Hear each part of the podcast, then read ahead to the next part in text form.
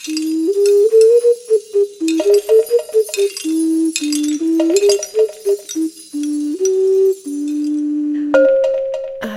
ik weet zelfs niet meer hoe onze podcast heet. Van een mooi bord kun je niet eten. Juist. Ik ben Anneleen En ik ben Janine, en dit is bordje nummer 7. 7. En weer een mooi bordje waar je niet van kunt eten. Er ligt wel iets op. En je kan het ook ophangen. Ja, ja, ja. Kijk, hier zit weer het bordhangertje van achter. En eh, ik laat het jou zien. Wat zie je? Ik zie zo'n zo'n eh, eh, visachtig ding. Ik ben eigenlijk al meteen aan het associëren, dat is niet zo juist. Hè? Eigenlijk zou ik eerst moeten beschrijven wat ik zie. Oké, ik zal hem proberen. Dus ik zie een ruitachtige driedimensionale vorm met een gele kleur op in een bepaalde organische tekening. Dan met potlood lijkt het wel, zijn er op het bordje een hoop cirkels getekend. Een beetje slordig lijkt het wel.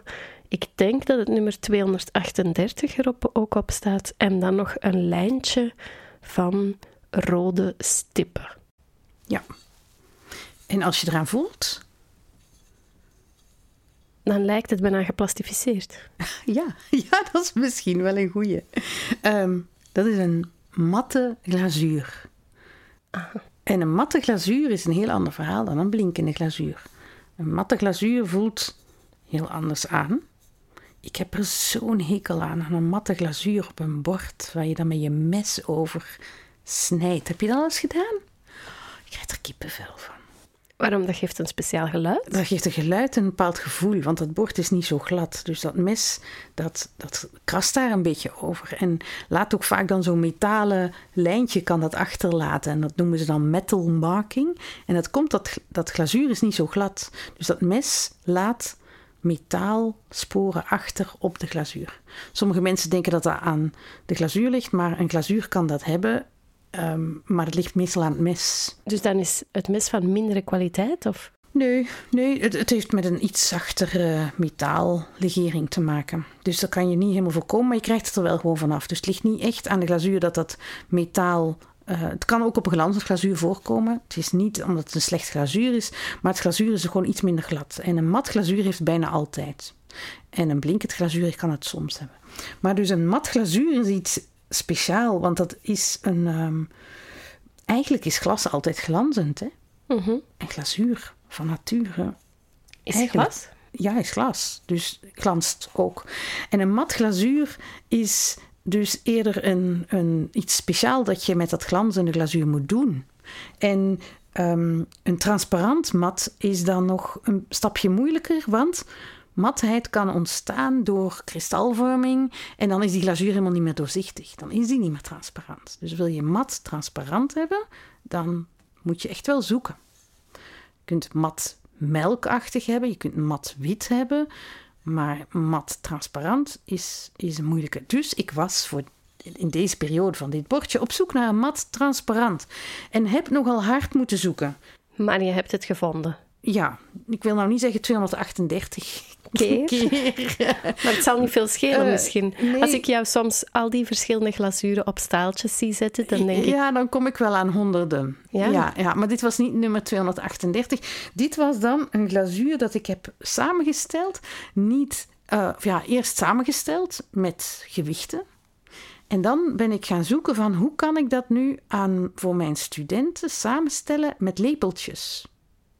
Omdat ehm, ehm, in de coronatijd, ik moest online pottenbakken geven. En dan hadden ze wel een bakservice dat ze hun werk naar de academie mochten brengen om hun werk te laten bakken.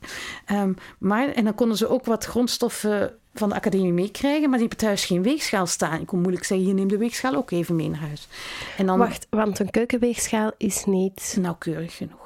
Oké, maar lepeltjes is toch nog minder nauwkeurig? Als je zo van die afstrijklepeltjes neemt. En ik bepaal die grondstof zoveel afgestreken lepeltjes en die zoveel afgestreken lepeltjes. De verhouding tussen die lepeltjes is dezelfde als dat ik met verhoudingen uh, weeg. Dus het was toen een truc om te zeggen: oké, hier heb je een recept, een afweegrecept uh, maakte ik dan en een lepelrecept. Hmm. Een scheprecept. En dit scheprecept heeft dus twee lepeltjes van het een, drie lepeltjes van het andere en acht lepeltjes van het volgende. Dus daarom was het 238. Mooi. Dus uh, het is een, een, een transparante die behoorlijk goed doet. En daarom staan die potloodlijntjes daaronder om de transparantie aan te tonen. Want dan kan ik zien hoe goed het doorzichtig is. En als het dun staat, is hij eigenlijk heel transparant. Als hij hier wat dikker staat, dan zie je dat hem wat verdwijnt, al een klein beetje grijziger wordt dan hier in het midden. Dus, uh, ja, alsof de lijntjes een beetje vervagen. Ja, een beetje aquarelliger worden. En die rode punten, is dat dan ook voor het contrast? Ja, om te kijken laat het de kleur rood, want de kleur rood is zo vaak dat door een glas kan worden ja, minder fel gemaakt worden. Hmm. Even kijken of dat het rood er goed doorkwam. Dus ik gebruik rood en geel nog eens als, um, als kijken van is mijn glazuur eigenlijk wel doorzichtig genoeg? En dat kon ik aan deze lijntjes aflezen en zien. Dus daarmee was dat een, uh, is dat een uh, staaltje. Nu, het vormpje dat erop ligt is eigenlijk daar een beetje losstaand van. Dat is het porselein. Zie je het verschil? Ja, toch wel. Het is witter en het ziet er uh, dunner uit ja, het is nogthans gesloten. Jij ziet geen wand. Maar... Nee, ik weet niet waarom ik dat denk.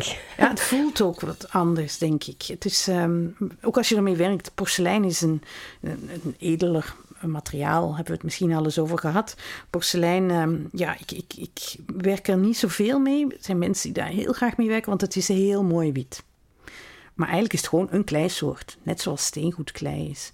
Het verschil is vaak de baktemperatuur. Porselein kan veel hoger gebakken worden en steengoed heeft een bepaalde maximumtemperatuur. Um, maar ja, het heeft iets heel wit en heel mooi. En um, ik was daar wel mee aan het experimenteren. En ik heb, het is een holvormpje. Dus, um... Wel, misschien heb ik dat gehoord. Ja, en denk ik daarom dat het dunner is dan een ja, bordje. Ja, misschien ook wel als je het voelt van gewicht. Het is natuurlijk niet zo zwaar. Dus, uh, en, en, uh, en, wel, de vorm die ik erin zag, want ik wilde nog niet associëren in het begin van onze podcast, is zo'n zo'n rog, zo'n gigantische ah, rog die aan het zwemmen is. Nu, het was een cilindertje. Oei. En um, dat cilindertje, als je aan de bovenkant van een cilinder um, horizontaal dichtnijpt en de onderkant van je cilinder verticaal dichtnijpt, dan krijg je een ruit. Dan krijg je een ruit. Dus het is een cilindertje. Um, um, ik was op zoek naar oloïdes. Daar kunnen wij nog minutenlang over praten. Een oloïde is een zeer wiskundige vorm, um, heel boeiend, boeiende vorm, die mij wel inspireert. Dus, en ik kom nog wel eens een keer ergens op een bordje een oloïde tegen en dan zal ik daarover vertellen. Maar dus om te concluderen, dit is een bordje dat veel vertelt over jouw lesgeven en toch ook nog een element heeft van artistieke inspiratie. Ja, dat is de combinatie die het leuk maakt.